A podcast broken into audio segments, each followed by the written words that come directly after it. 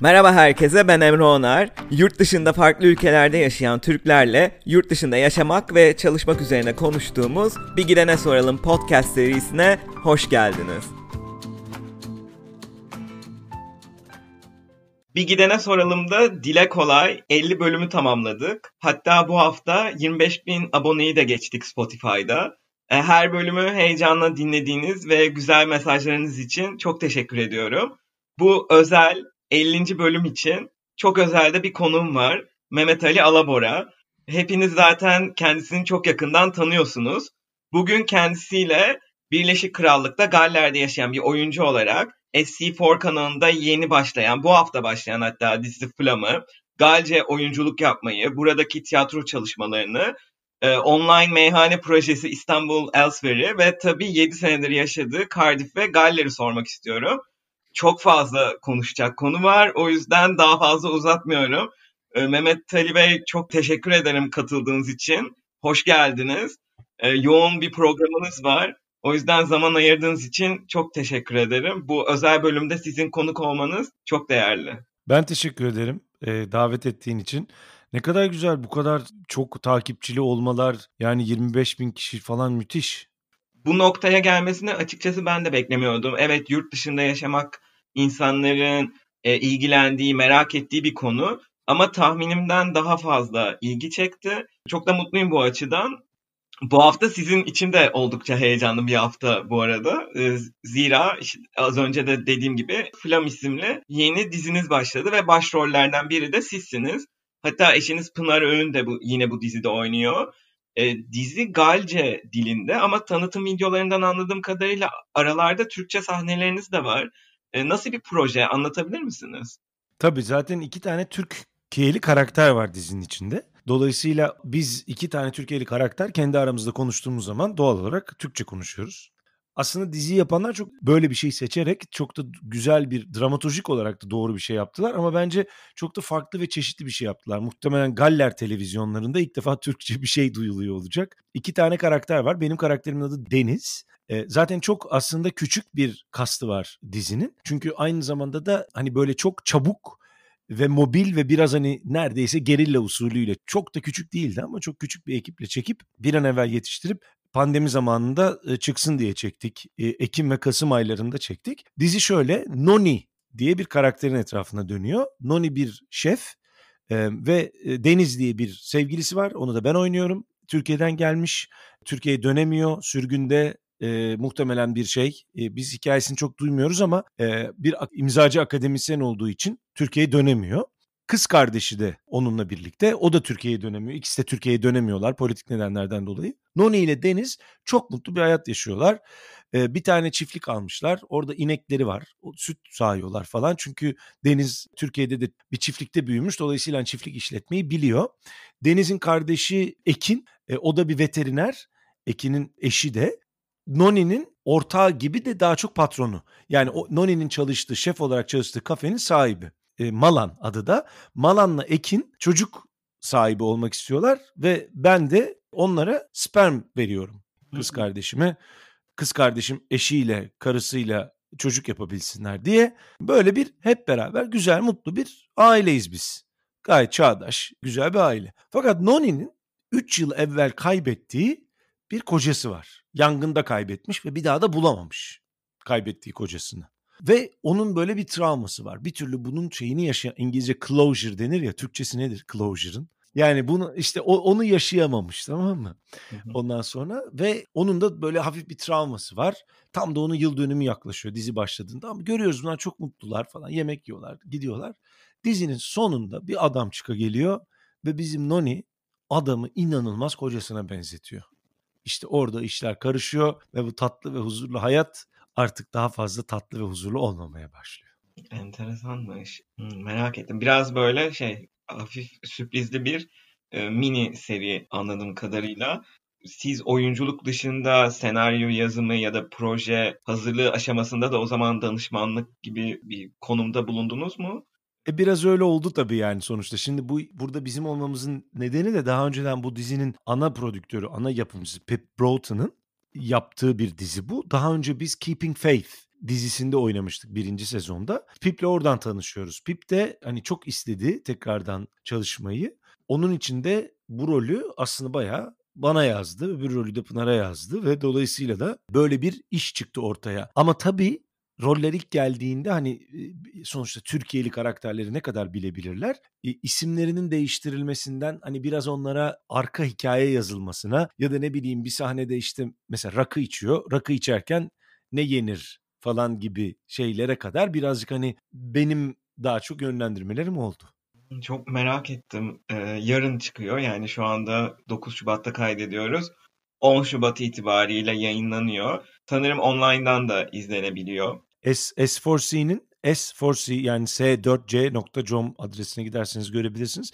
Click diye, Click de C-L-I-C diye yazılıyor. Click diye bir dijital platform var. Zannediyorum ki dizi ilk bölüm yayınlandıktan sonra dijital platformda da box set olarak duracak. Dolayısıyla binge watching yapmak isteyenler hemen yapabilecekler. Sadece Birleşik Krallık'tan mı izlenebilecek yoksa Türkiye'den dinleyenler de izleyebilecek mi? Ben onu çok sordum. Ee, Türkiye'den izlenebiliyor olduğunu SOC'dekiler de söylediler.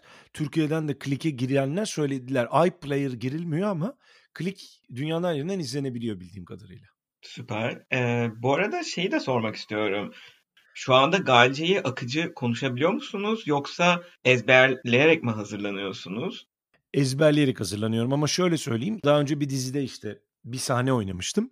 O zaman mesela ilk oynadığım zaman söylediklerimi çok da anlamıyordum. Biraz fonetik olarak ezberliyordum. Ama daha sonra hem turne yaparken hem de çok fazla Galce konuşan arkadaşım var. Birazcık öğrendim diyeyim yani hala hani İngilizce gibi e, İngilizce de kendimi ifade etme konusunda neredeyse Türkçe kadar rahat olduğumu söyleyebilirim. Ama böyle bir şeyin Galce'de söyleyebilmem çok zor. Galce'de hani böyle yani işte bana bir bira verir misin ya da çay içer misinin dışında da birazcık sohbete girmek zor olabiliyor bazen ama dün mesela çok güzel bir şey oldu. Ee, bizim işler sırasında benim aynı zamanda bir de kreatif ajansım var. Orada bir mesaj geldi. Galce bir mesaj. Baya böyle uzun bir SMS mesajı. Bir arkadaş forward etti mesajı bana bizim ekipten biri. Onun böyle neredeyse hepsini anlayınca birazcık hani koltuklarım kapardı açıkçası. Öğrenmek zor oldu mu peki? Ya çok kolay bir dil değil ama hani insanların çok zor dedikleri kadar zor da değil. Tabii daha çok pratik yapmak lazım. Yani bir yaştan sonra bir de şöyle bir durum var. Şimdi Galler'de Galce'yi konuşan insan sayısı 700 ile 800 bin arasında. Toplam nüfus 3.3 milyon. İşte %28'e falan tekabül ediyor. Evet benim evde çok fazla evlerinde ve kendi özel hayatlarında çok fazla Galce konuşan arkadaşım var. Ama sonuç itibariyle yani sokağa çıktığınız zaman Galce konuşmak çok da mümkün olmuyor. Hani Galce konuşmaya zorlansam çok daha çabuk hallederdim bu işi. Yani mesela kuzeyde yaşıyorsam, Kuzey Galler'de öyle yerler var ki %50 %60'a çıkıyor Galce konuşulması. Hani dükkana gittiğiniz zaman da Galce konuşuluyor. Yani burada hani Galce konuşulan yerlere takılmıyorsanız ve çok yakınınızda sürekli Galce konuşulmuyorsa birazcık tabii insanın hani pratik yapması illa bir arkadaşını sıkıştırıp biraz da kafasını şişirip öyle olabiliyor ancak. Hani oyunu oynarken mesela daha iyiydi. Çünkü sürekli turne yapıyorduk ve sürekli Galce'nin içinde yaşıyorduk. E, şimdi işte biraz daha geride kalıyor ama halledeceğim yani. Galce işini halledeceğim. Peki duyguyu aktarmak ya da oyununuzu oynamak konusunda Türkçe bir role göre daha farklı bir hazır, ön hazırlık süreci gerektiriyor mu? Valla bak çok ilginç bir şey söyleyeceğim sana. Emre çok güzel bir soru sordun. Şöyle ki ben bu konuda Galce'de hiç zorluk yaşamadım biliyor musun? Çok ilginç. Ama ilk buraya geldiğimde ki yani İngilizceyi 11-12 yaşından beri konuşuyorum. Ama İngilizce'de daha çok yaşamıştım bu sorunu. İlk mesela İngilizce auditionlara gitmeye başladığımda şöyle hissediyordum. Ya yani ben hani daha önce bu lafları ya da buna benzer lafları hiç İngilizce söylemedim ki yani hiçbir duygu yaratmıyor bende diyordum. İngilizce'de ilk başladığımda İngilizce'de daha zorlanmıştım. Bilmiyorum belki yani o kadar zaman İngilizce'de oynadığım için e, Galce'ye geçiş daha kolay oldu ama hakikaten Galce'de daha böyle bir zorlanmayı yaşamadım açıkçası. Bir de Galce'nin bazı sesleri o kadar güzel geliyor ki kulağa. Geçen bir röportaj yaptım bir Galce dergiyle. Yani ben İngilizce yaptım ona çevirecekler. En beğendiğiniz Galce sözcükler hangisi diyorlar dedi diye sordular mesela. Bir tanesi için Gorfenol dedim mesela. Geçmiş demek. Gorfenol. Çok güzel yani sözcüğün kendisi güzel. Ya da mesela aidiyet Galce'de perthin demek. Yani sözcükler de çok güzel olduğu için böyle çok kendisi bir duygu yaratıyor gibi bir hali var bazen sözcüklerin. Sizin tabii telaffuzunuz da ayrıca bir hava katıyor olabilir ama e, dediğiniz gibi böyle çok masalsı bir e, hava verdi. En azından telaffuz ettiğiniz bu iki sözcük. Lord of the Rings'te ki elflerin konuştuğu dil Galce'den hani birazcık apartılmış bir dil. Heh, ben de tam onu aslında Lord of the Rings esintisi verdi bir anda o söylediğiniz iki sözcük. Bu arada önceki oyununuz Kargalar da hem yine Galce hem Türkçe dilindeydi e, yanlış bilmiyorsam ve bu oyun ile e, bahsettiğiniz gibi Galler'de turne de yaptınız. Galler'deki tiyatro izleyicisi mesela bu çift dilli oyunu nasıl karşıladı? Mesela Cardiff'teki yorumlarla belki daha kuzeyde bahsettiğiniz daha Galce konuşulan bölgelerdeki yorum farklı olmalı. Bir de Türkçe hani beklemedikleri bir dildir büyük olasılıkla. E, ne tür yorumlar alıyordunuz? Çok çeşitli yorumlar aldık. Yani Galler'in çeşitli yerlerinde çok farklı yorumlar aldık. Londra'da daha mesela çok daha Türkiye'li yoğun bir seyirci oynadığımızda bambaşka tepkiler alıyorduk. Bir gün Denbi'de galiba Türkiye'li ve Gallerli karışık aynı oranda karışık bir seyirciye oynadığımızda da bambaşka tepkiler alıyorduk. Ee, onun için hakikaten farklı ve güzel bir deneyimdi. Genel olarak tiyatro ve dizi sektörü mesela Türkiye'den ne açılardan farklı? Britanya bilmeyenler uzaktan özellikle Türkiye'dekiler hani Türkçe konuşanlar bu ülkenin geneline İngiltere demeye alışmış oluyoruz. Bizim Türkçe'de Britanya ya da Birleşik Krallık çok kullandığımız bir şey değil. Dolayısıyla da dilimize artık alışmış hani İngiltere demek. Ama gerçekten ülkenin içinde yaşadığınız özellikle de şimdi sen mesela Londra'da yaşıyorsun. Hani sen belki Galler sen de aslında Galler'in ve İskoçya'nın ayrı ülkeler olduğu hissini büyük ihtimalle yaşamışsındır bu kadar zaman kaldıktan sonra diye tahmin ediyorum. Ama Galler'de evet. yaşadığın zaman gerçekten İngiltere'nin ayrı bir ülke olduğunu çok daha net anlıyorsun. Yani ben mesela bana İngiltere'deki sanat nasıl diye sorsalar çok fazla ukalalık edemem açıkçası. Ama Galler'dekini biliyorum. İyi de biliyorum o anlamda. O anlamda işte Galler küçük bir ülke yani 3 milyonluk bir nüfusu var. Evet tabii ki de Birleşik Krallığa ve Britanya'nın geneline benzeyen taraflar var. Yok değil. Ama çok ayrılan taraflar da var. Sonuçta bizde paraları sanat kurumlarına dağıtan kurum Arts Council Wales, e, İngiltere'de ise Arts Council England ve bunlar birbirlerinden tamamen ayrı iki tane kurum. E, bağları yok. Yani belki bir takım şey bağları vardır ama genel olarak mekanizmaları birbirlerinden çok farklı. Dolayısıyla buradaki en önemli Türkiye ile burası arasındaki en önemli farklardan bir tanesi bu Arts Council yani sanat konseyi denilen kurum. Merkezi bir kurum. Bütün sanat kurumlarının parasını yardımlarını gerek kamu kurumlarının yardımlarını gerekse özel kurumların yardımlarını kamudan aldığı bütçeyle bu kurum dağıtıyor. Ve e, şöyle bir fark oluyor Türkiye'de.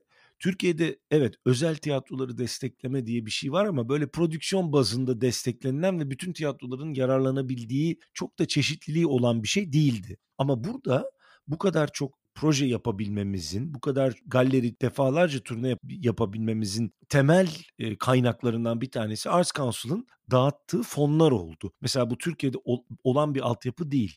Ama fark olarak da şöyle bir şey var bu bir taraftan inanılmaz bir imkanı getirirken sanatçılar için bir taraftan da birazcık e, rehavet de oluşturuyor. Ve eğer Arts Council'dan siz para alamıyor iseniz o zaman neredeyse projeyi yapmayacak duruma geliyorsanız o, geliyorsunuz. Oysa ki biz Türkiye'den gelenler için ne olursa olsun o projeyi yapmak için çeşitli fikirler uydurmak var. Çünkü hayatımız öyle geçmiş. Bu birinci farklardan bir tanesi. İkinci ve en beni şaşırtan farklardan bir tanesi de açıkçası seyirci oldu çok ciddi bir seyirci sıkıntısı var. Özellikle Cardiff'in dışına çıktığınız andan itibaren. Ben Galler'i 3 kere turneledim. 3 ya da 4 kere turneledim toplamda ve öyle zamanlar oldu ki bir kişiye oynadığımız oldu. Yani ben şöyle düşünürdüm hani buranın çok uzun zamandır tiyatroların gitmemiş olduğu yerlere gittik. Hem de rugby kulüplerinde oynadık. Efendime söyleyeyim işçi lokallerinde, publarda, barlarda oynayacağımız bir oyun tasarlamıştık. Ve benim görüşüm şuydu. Hani o kadar taşraya, o kadar az gidilmiş bir yere gittiğiniz zaman bir merak olacaktır ve insanların gelecektir. Ya ne oluyor? diye hani Anadolu'da Teatora gelmiş diye bir gelinir yani. Fakat bu kadar ilgisizlik olduğunu görmek de beni şaşırtmıştı açıkçası. Ama yani bunu söylerken Anadolu'nun da çeşitli yerlerinde ben Antalya'da da 6 tane seyirci oynadığım zaman oldu yani. Dolayısıyla hani birbirine benzerlikler, farklılıklarla çok ilginç bir macera oldu aslında bütün sanat yolculuğu burada.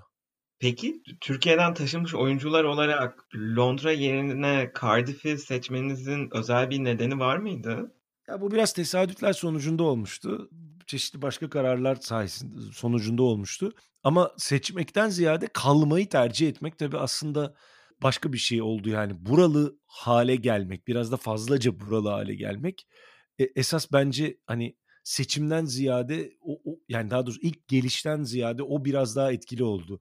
Bu anlamda Galler'in gerçekten insanı sarıp sarmalayan ve Gallerlilerin insanı sarıp sarmalayan bir halleri oldu. Bunun da çok etkisi oldu daha sonra kalınmasında. Ama gelinmesi dediğim gibi böyle çeşitli tesadüflerin sonucuydu. Anladım. Ee, ben daha henüz Galler'i görmedim ve dediğiniz gibi aslında ilk başta İngiltere'ye yani Birleşik Krallığa taşınırken ben de o İngiltere Birleşik Krallık ayrımının çok da farkında değilim. Tabii biliyordum hani Kuzey İrlanda, İskoçya, İngiltere, Galler'den oluşan bir Birleşik Krallık var ama aslında bayağı e, farklılar. Özellikle bu pandemi döneminde iyice kavradım çünkü yönetimsel açıdan da farklar var. Ama hala ben de öğreniyorum dediğiniz gibi. Belki dinleyenler de başta hani çok o farkı anlamamış olabilir. E, siz hani turnelerle en ücra köylere, kasabalara bile gittik e, dediniz. Bu Galler'i baştan sona görme şansınız da olduğu için şeyi sormak istiyorum. Galler'in İngiltere'ye göre sizce kültürel açılardan farkları var mı ya da bunlar nasıl farklar? E, Galler kültürü nasıl bir kültür? Ee, öncelikle Galler İngiltere'nin genelinden çok daha yoksul bir ülke. Kuzey Avrupa'nın en yoksul ülkelerinden bir tanesi. Çünkü Galler e, endüstriyel devrimle birlikte 19. yüzyılın ortalarında bütün çehresi değişmeye başlamış ve dünyanın en büyük kömür ve demir üreticilerinden biri haline gelmiş. Hatta demirin üretilmesine Galler yöntemi diye bir yöntem vardır. Bir noktada e, Cardiff e, neredeyse 19. yüzyılın Dubai gibiymiş ve dünyanın kömürünün %50'si Cardiff'ten gidiyormuş. E, dünyanın e, ilk 1 milyon sterlinlik çekinin kesildiği yerdir Cardiff aynı zamanda. Fakat e, Thatcher zamanı ile birlikte 1980'lerle birlikte tabii ki sadece Thatcher'ın etkisi değil ama yani Thatcher'ın da getirdiği o yeni e, düzenle ve e, buralardan sanayinin çekilmesiyle birlikte Galler o dokusundaki bütün e, şeyi kaybetmiş. Bu anlamda e, hakikaten çok yoksul yerleri var Galler'in. E, Galler o kadar tuhaf bir yer ki 3 milyonluk küçücük bir ülke gibi görünebilir hani Türkiye'liler için. Sonuçta 80 milyonluk kocaman bir ülke Türkiye ve Britanya'nın da 3 katı yüz ölçümü Türkiye'nin. Oradan bakıldığı zaman hani Antalya kadar, Antalya'nın ilk sınırları kadar bir ülke gibi görülebilir ama kendi içerisinde inanılmaz çeşitliliği olan bir ülke. Ne demek istiyorum? Mesela burada 15 dakika gidiyorsunuz, insanların konuşma biçimleri değişiyor. iklim değişiyor, dil değişiyor. Yani o kadar değişkenlik gösteren bir yer ki İngiltere'yi çok iyi bilmediğim için e, şunu söyleyemem yani. İngiltere'den şöyle farklı, böyle farklı. Ben Londra'yı biliyorum. Hani Londra'da da hem çalıştığım için hem çok gidip geldiğim için yıllardır biliyorum. Ama Londra'da da uzun zaman yaşamadım. Dolayısıyla hani İngiltere ile birebir Galler'i karşılaştırmam çok doğru olmaz. Çünkü Galler bilgim çok çok daha fazla o yüzden. Ama dediğim gibi kendi içinde inanılmaz çeşitlilik gösteren bir yer. Her şeyden evvel kendi dili farklı. Tabii ki de dediğim gibi yani bütün herkes konuşmuyor ama sonuçta çok ciddi bir etken. Dil belirliyor. Ama kültürel kodları da farklı. Yani insan ilişkilerindeki kültürel kodları da farklı. Mesela bunu söyleyebilirim. Mesela şunu söyleyebilirim. Gallerler daha dokunmatik insanlardır. Yani hani burada hani bizim gibi böyle birbirine dokunmalar, kucaklamalar falan filan çok daha İngiltere'ye nazaran kültürel bir fark olarak bunun böyle olduğunu mesela e, söyleyebilirim. Onun dışında hakikaten çok belirli, çok fazla belirleyici şey var. Mesela burada şarkı çok önemlidir. Yani hatta Land of Songs, e, şarkıların toprağı denir Galler için. Hani bunlar çok önemlidir. Bu şey gerçekten önemli yani community dediğimiz şey. Yani nedir o? Toplum olmak yani bir topluluk olmak, bir mesela mahalle olmak falan. Bunlar bayağı Galler'de önemli değerlerdir yani. O anlamda İngiltere'den ayrıldığı noktalar var. E tabii ki bir taraftan da çok birleştiği noktalar var. Yani sonuçta bu koca bir coğrafya ve binlerce yıldır birlikte yaşayan halklar bunlar. Demin yine konuşurken şeyden de bahsettiniz. Galler'in sizi nasıl kucaklayıp sarıp sarmaladığını Cardiff'in de aynı şekilde. E, böyle evet alıştık artık buralıyız dediğiniz bir nokta olmuş muydu? O adaptasyon süreciniz nasıldı? Ben şunu çok net olarak söyleyebilirim. Ben 7 yıl buraya geldiğim 7 yıl içinde kendimi bir gün olsun yabancı hissetmedim. Ve bir gün olsun ben hani yabancıymışım ya da başka bir yerdenmişim gibi hissetmedim. Bunun sadece Galler'le değil içinde bulunduğumuz çevreyle de tabii ki ilgisi vardır mutlaka. Yani sonuçta buradaki arkadaşlarımız da sanatçılar ya da ne bileyim entelektüeller ya da yazarlar, çizerler. Dolayısıyla hani o zaten kendi içinde bir toplum ya bir tarafıyla. Belki onun da etkisi vardır ama genel olarak da ya benim kasabım mesela bana mesaj atıp bahar kuzusu geldi diyor. Yani hani SMS gönderiyor ve telefon ettiğim zaman hello diyorum. Hi Mehmet diyor. Nereden anladın Andrew diyorum. E, ben en iyi müşterimi tanımaz mıyım diyor. Ya geçenlerde ben bir yürüyüş yapayım dedim. Şöyle nehir boyunda bir yürüdüm. Uzun zamandır da yürümüyorum. Beş kişiyle karşılaştım. Yani e zaten daha ne yani daha ne kadar bir yerli olursunuz ki yani kasabınız size mesaj atıyorsa berberiniz kaç zamandır gelmedin diye soruyorsa e, yolda yürürken de beş kişi size merhaba diyorsa Mehmet deyip e, işte o zaman o zaman oralı gibi hissediyorsunuz yani. Kesinlikle haklısınız. Zaman içinde bir de insanın iyice alışkanlıkları da oturuyor ve ait olma hissi de artıyor elbette. Geçen sene tam pandemi başlamadan memleketinden insan manzaraları oyununuzun hazırlığı vardı aslında. Hatta Londra'da oyununuz olacaktı. 19 Mart olmalı yanılmıyorsam. Hatta 16 Mart. 16 Mart. 16 Mart ve o ne yazık ki iptal etmek zorunda kaldınız. Yani aslında bir yandan Türkçe de e, oyun hazırlığında bulunuyorsunuz. Genel olarak üzerinde çalıştığınız projeleri anlatabilir misiniz acaba? Yani geldiğimden itibaren hiç aslında Türkçe doğrudan sadece Türkiye'li izleyiciyi hedefleyecek çok bir şey yapmamıştım. Aslında memleketimde insan manzaralarının da evet aslen Türkiye'li ve Türkçe konuşan bir izleyiciyi hedefleyen bir iş yapmıştık ama bir taraftan da üst yazı falan da, da düşünüyorduk. Hani biraz daha geniş bir çevreye de yayılabilir diye. Birazcık e, memleketimde insan manzaraları benim çok yakın arkadaşlarımın özellikle de e, Akın Olgun'un birazcık baskısıyla oldu. Onun da bir hikayesi vardı anlatmıştım. Yani Akın Olgun bana böyle 3 sene baskı yaptı yani. Senin Nazım oyunu yapman lazım. Nazım Hikmet oyunu yapman lazım. Bir gün babam gelmişti. Evde oturuyorduk. Cihan da vardı. Daha sonra da Cihan oyunun teknik yönetmeni oldu zaten. Bütün tekniğinden sorumluydu. Akın, Cihan, ben babam oturuyoruz. Rakılar içildi. Ondan sonra muhabbetler edildi. Cilalar yapıldı. Sonra yine konu geldi ağzıma. Ben başladım anlatmaya işte şurada da budur da memleketinde insan manzaraları aslında sinema gibidir de şöyle olur bakınız burada açı yapmış falan filan. Anlatırken anlatırken anlatırken rakının da etkisiyle efendim. Denildi ki peki dedim durdum şöyle. Dedim peki şöyle bir şey yapalım. Tek bir adam sahnede tek başıma birinci kitabı yapayım ben. Ama böyle çok rafine bir şey olsun yani. Sadece bir adam ve birinci kitap. Kitabı okuyor. Yalnız dedim bunu dedim bir tek Phil Mackenzie ile yapabiliriz. Phil Mackenzie de benim buradan geldiğimden beri çok yakın ahbabımdır. Ee, Avustralyalı aslen ama o da 30 yıldır Cardiff'te yaşıyor. Bir tiyatro yönetmeni. Dedim ki ancak Phil Mackenzie ile yaparsak yaparız. Çünkü biz mesafe koyamayız aramıza Nazım'la. Phil Mackenzie'nin yani metni anlamayacak birinin bunu yapması lazım. Ya tabii ki çevirisini falan okuyacak ama hani metinle böyle çok bizim kadar içli dışlı bir ilişki kurmaması lazım. Sonra provalara başladık. Ve oyunu çıkardık. 14 Şubat'ta hatta. Tam bir sene olmuş neredeyse bak. 14 Şubat'ta oyunu çıkardık. Ben 4 ay ezber yaptım. 5 ay ezber yaptım. Canım çıktı. Sonra 5 oyun oynadık. Sonra da işte geldi bu mendebur e, virüs.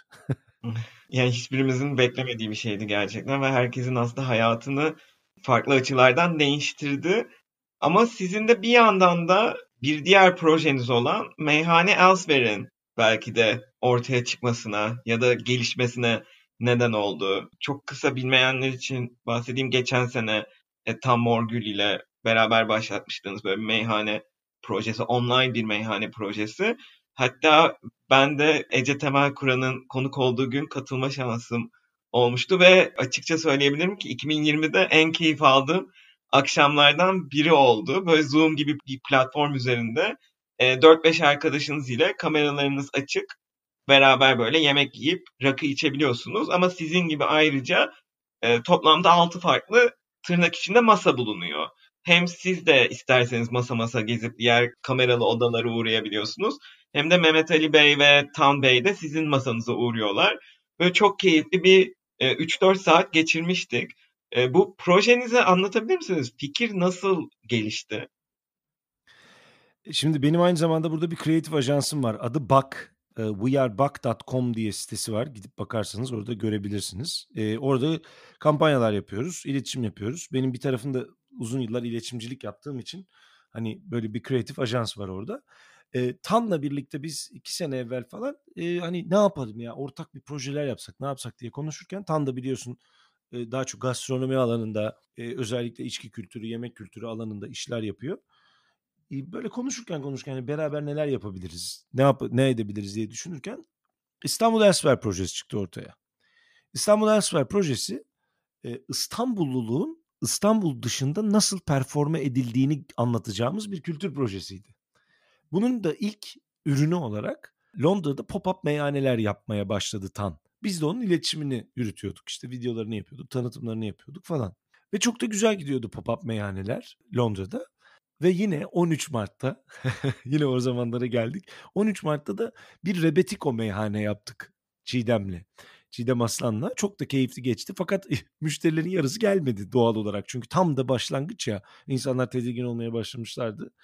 Ve bunu yaptıktan sonra işte ben de sözde oyunu oynayacaktım falan. Neyse döndüm. 15 Mart'ta Cardiff'e döndüm. 16-17 Mart'ta bir gün muhabbet ederken Tan dedi ki ya dedi online meyhane yapsak ya dedi. Dedim abi online meyhane yapalım da böyle hepimiz Zoom'a girip de 40 kişi aynı yerde oturup bir tane muhabbet edemeyiz yani. Meyhanede 40 kişi bir muhabbet etmez. Masalar olması lazım. Nasıl olur masalar? Zoom'a yazdım. İşte breakout room diye bir şey varmış ama breakout room'la olmaz dedim. Yani hani aynı anda göreceksin ama gruplanacaksın ve fark ettim ki böyle bir yazılım yok dünyada. Sonra aklıma bir zihni sinir projesi geldi ve Google Meet'i kullanarak aynı anda 6 tane Google Meet oturumu açıp onu da bütün masalarla aynı anda paylaşıp mikrofonları açtığım zaman bütün masalarla konuşup mikrofonları kapadığım zaman da e, masaların birbirini gördüğü ama birbiriyle konuşamadıkları bir sistem geliştirdim. Ondan sonra bunu denedik. Çok keyif aldık. Bir daha denedik, bir daha denedik. Sonra dedik ya biz bunu haftada iki gün bayağı meyhane gibi açalım. Açtık. Bir rezervasyon sistemi kurduk. Masadan masaya geçiş için bir sistem kurduk. Ve gerçekten hani inanılmaz bir ilgi görmeye başladı. E, şu anda kendi yazılımı olan kendi yazılımımızı hala çıkaramadık. 8 aydır yazılımla uğraşıyoruz. Bayağı zor bir işmiş. Yazılımla uğraşmak isterseniz buradan tavsiye vereyim. Yapmayın. yani gerçekten kolay bir iş değil. Ama şu anda kendi yazılımımızı geliştiriyoruz. Bu demin söylediğim şeyi kendi yazılımımızla yapabiliyor olacağız. Şu anda hala bu sırada birçok farklı yazılımlar gelişmiş olmasına rağmen yani online'da toplaşmalar yapılabilecek çok farklı şeyler gelişmesine rağmen hala bizim istediğimiz bizim istediğimiz yapabilen yazılım yok. Dolayısıyla kendi yazılımımızı geliştiriyoruz. Meyhane tam gaz devam ediyor. Ee, bizim yazılımımızın adı Gather In olacak. Yakında Gather In'den e, bütün bu hizmeti veriyor olacağız. Meyhane Elsewhere, Meyhane Elsewhere olarak devam ediyor olacak. Ama hedefimiz Gather In'in e, bir tane meyhanesi olması, bir tane Irish pub'u olması, bir tane kafesi olması, bir tane atıyorum futbol hayranlarının buluştuğu bir yeri olması, bir tane e, şarap içilen şaraphanesi olması, bir tane kahvehanesi olması gibi birçok online mekan yaratmak aslında Gathering'de yapmaya çalıştığımız tıpkı meyhanede yapmış olduğumuz gibi. Proje birazcık bundan ibaret. Bence tam bu pandemi dönemine uygun bir proje. Yani zihni sinir dediniz ama e, çok faydalı olabilecek ve tutabilecek bir proje diye düşünüyorum. Özellikle mesela şirketler açısından da konferanslar yapılamazken çok faydalı olabilir ki mesela Clubhouse bunun görüntüsüzü gibi denebilir bir anda çok bir ivme yakaladı. Çok popüler oldu. Biraz da o, onu da andırdı. Ee, ve şey bu meyhane Elsewhere'de ben bağlanmadan önce mesela nasıl bir şey olacağını çok böyle merak edip bağlanmıştım. Nasıl olacak farklı masalar var. Biz bir 4-5 kamerayız. Bu sistem nasıl oluyor? Ee, hem nasıl aynı anda altı masaya konuşup zaman zaman da bizim odalarımıza gelecekler falan derken e, bir şekilde güzel onu oturtmuşsunuz. Çok keyifli. Bugüne kadar kaç kişi katıldı? Onun bir sayısını tutuyor musunuz?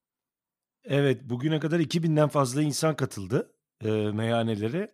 Yani ben 9 aydır 2000'den fazla insanı eğlendirdim diyor diyebilirim yani hani e, ve demin anlattığın şeyde önemli olan şöyle bir durum var. Evet burada teknolojinin bir önemi var ve teknoloji bizi bazı şeyleri yapmamıza neden oluyor ama aynı zamanda biz bir online'da toplanma know-how'ı geliştirdik. Yani şu anda belki de dünyayı bilmiyorum ama en azından Türkçe konuşulan coğrafyalarda bu konuda çok tecrübeli bir ekibiz artık.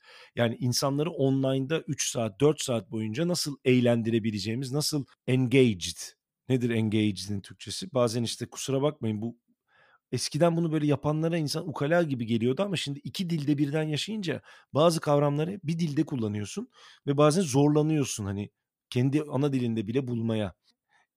İnsanları orada etkin tutabilmek ve 4 saat eğlendirebilmek üzerine teknolojiyle birlikte bir de bir toplanma yöntemi geliştirdik. Yani insanları o toplantıyı hazırlamak, geldikleri zaman onları orada karşılamak, ondan sonra herkesin topluca bir anons yapmaları, sonra tek tek masaları gezmek, ondan sonra tekrar bir tane daha yapmak, insanları birbirleriyle match etmek. Yani bütün bunlar aslında şu anda bayağı elimizde kuralları yazılı bir sistemin parçası haline geldi. Ve 2000 kişiyle aslında bunu çok güzel bir şekilde de test etmiş oldunuz. Aynen öyle. Ve yani şöyle söyleyeyim. Hani nasıl ki bir mekanı mekan yapan şey aslında değil mi o mekanla ilgili ritüelleri, kültürü, anıları, e, müdavimleridir.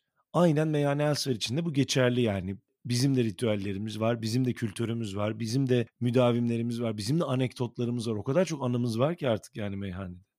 Evet müdavimleri olmasına da çok şaşırmıştım ben. Ee, biz de sonrasında böyle sona doğru e, başka masalara da uğramıştık. E, hatta o masada tanıştığımız kişilerle takipleşiyoruz şu anda.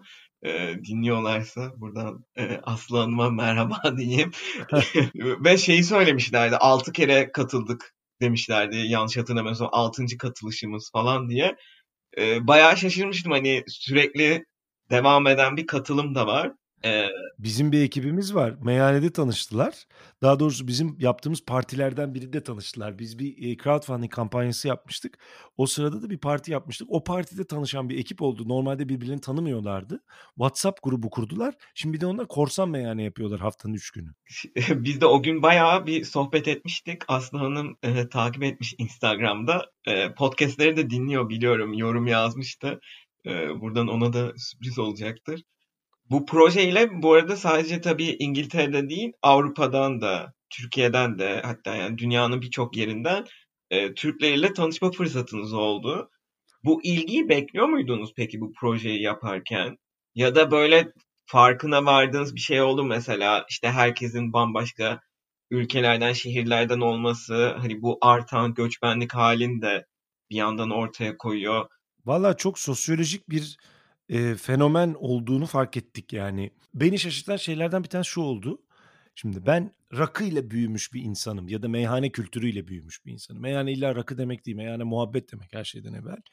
Ben meyhane kültürüyle büyümüş biriyim.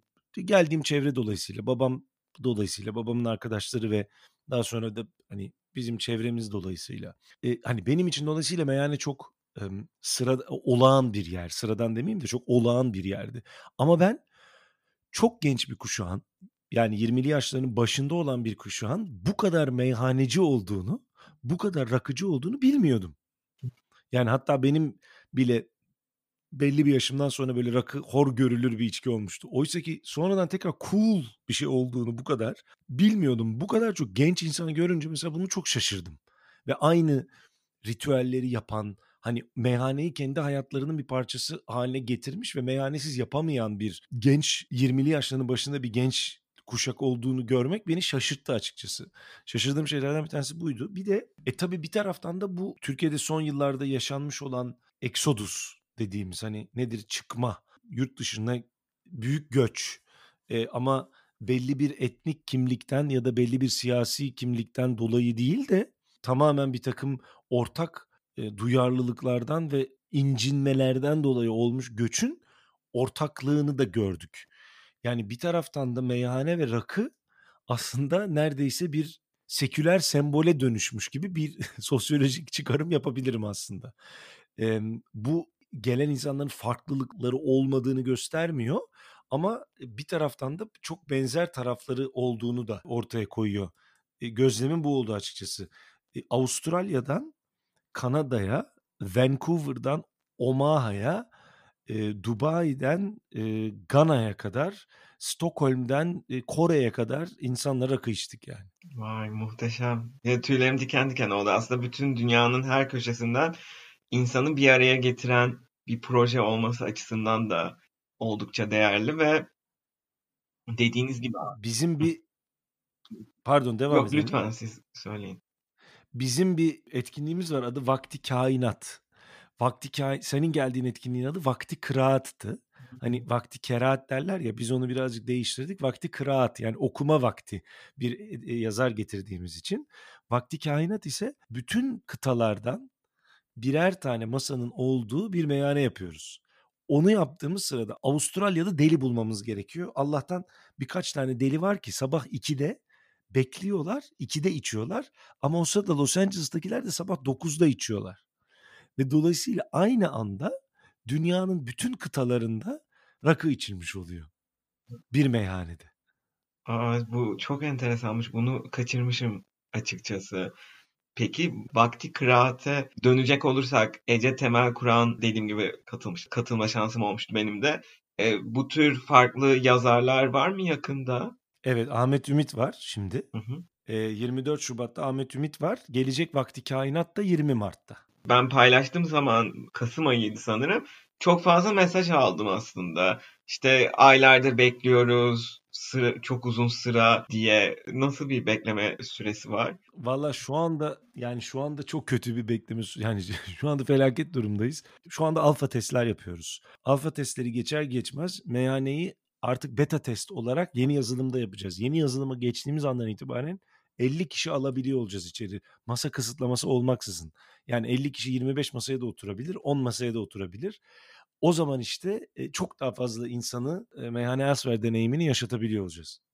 Çok güzel olur açıkçası. Yani biz daha da o gün e, kalabalık bir gruptuk. Daha da kalabalık olabilirdik yani. E, sonradan paylaştığımız arkadaşlarımızdan da ah keşke katılsaydım diyen çok oldu ve diğer işte biz kalabalık bir masaydık. Bir yandan Londra'dan bir kalabalık gruptuk. Ayrıca Bristol, Amsterdam ve Barcelona'dan da katılanlar vardı ve hem Amsterdam'daki hem Barcelona'daki hem Bristol'daki arkadaşlarım aynı hissi yaşamış. Yani o gün gerçekten hepimiz bir duygulandık. Bir de uzun zamandır tabii yurt dışında meyhaneden de uzak kalınca böyle sevdiklerimizle beraber bir yandan sohbet edip bir yandan sizin katılmanız, Ece Hanım'ın katılması, değerli sohbetinizle ayrı bir boyut katmıştı. Böyle şey transtan çıkmış gibi açıkçası bittiğinde o histeydik. O yüzden heyecanla bekliyorum ben de daha geniş kitlelere ulaşmasını ve bu meyhane kültürü dediğiniz gibi aslında e, bu yurt dışına giden birçok insanı bir araya getirebilen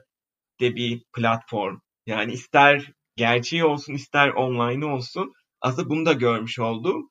E, ve birçok konuğumun da Türkiye'ye dair özledikleri arasında e, sık sık dile getirdikleri bir şey. Meyhane kültürü, meyhaneye gitmek. O yüzden bu bence e, dediğiniz gibi yaştan bağımsız böyle şey herkesin aslında bir yandan sevip özlediği bir kültürel bir şey diyebilirim.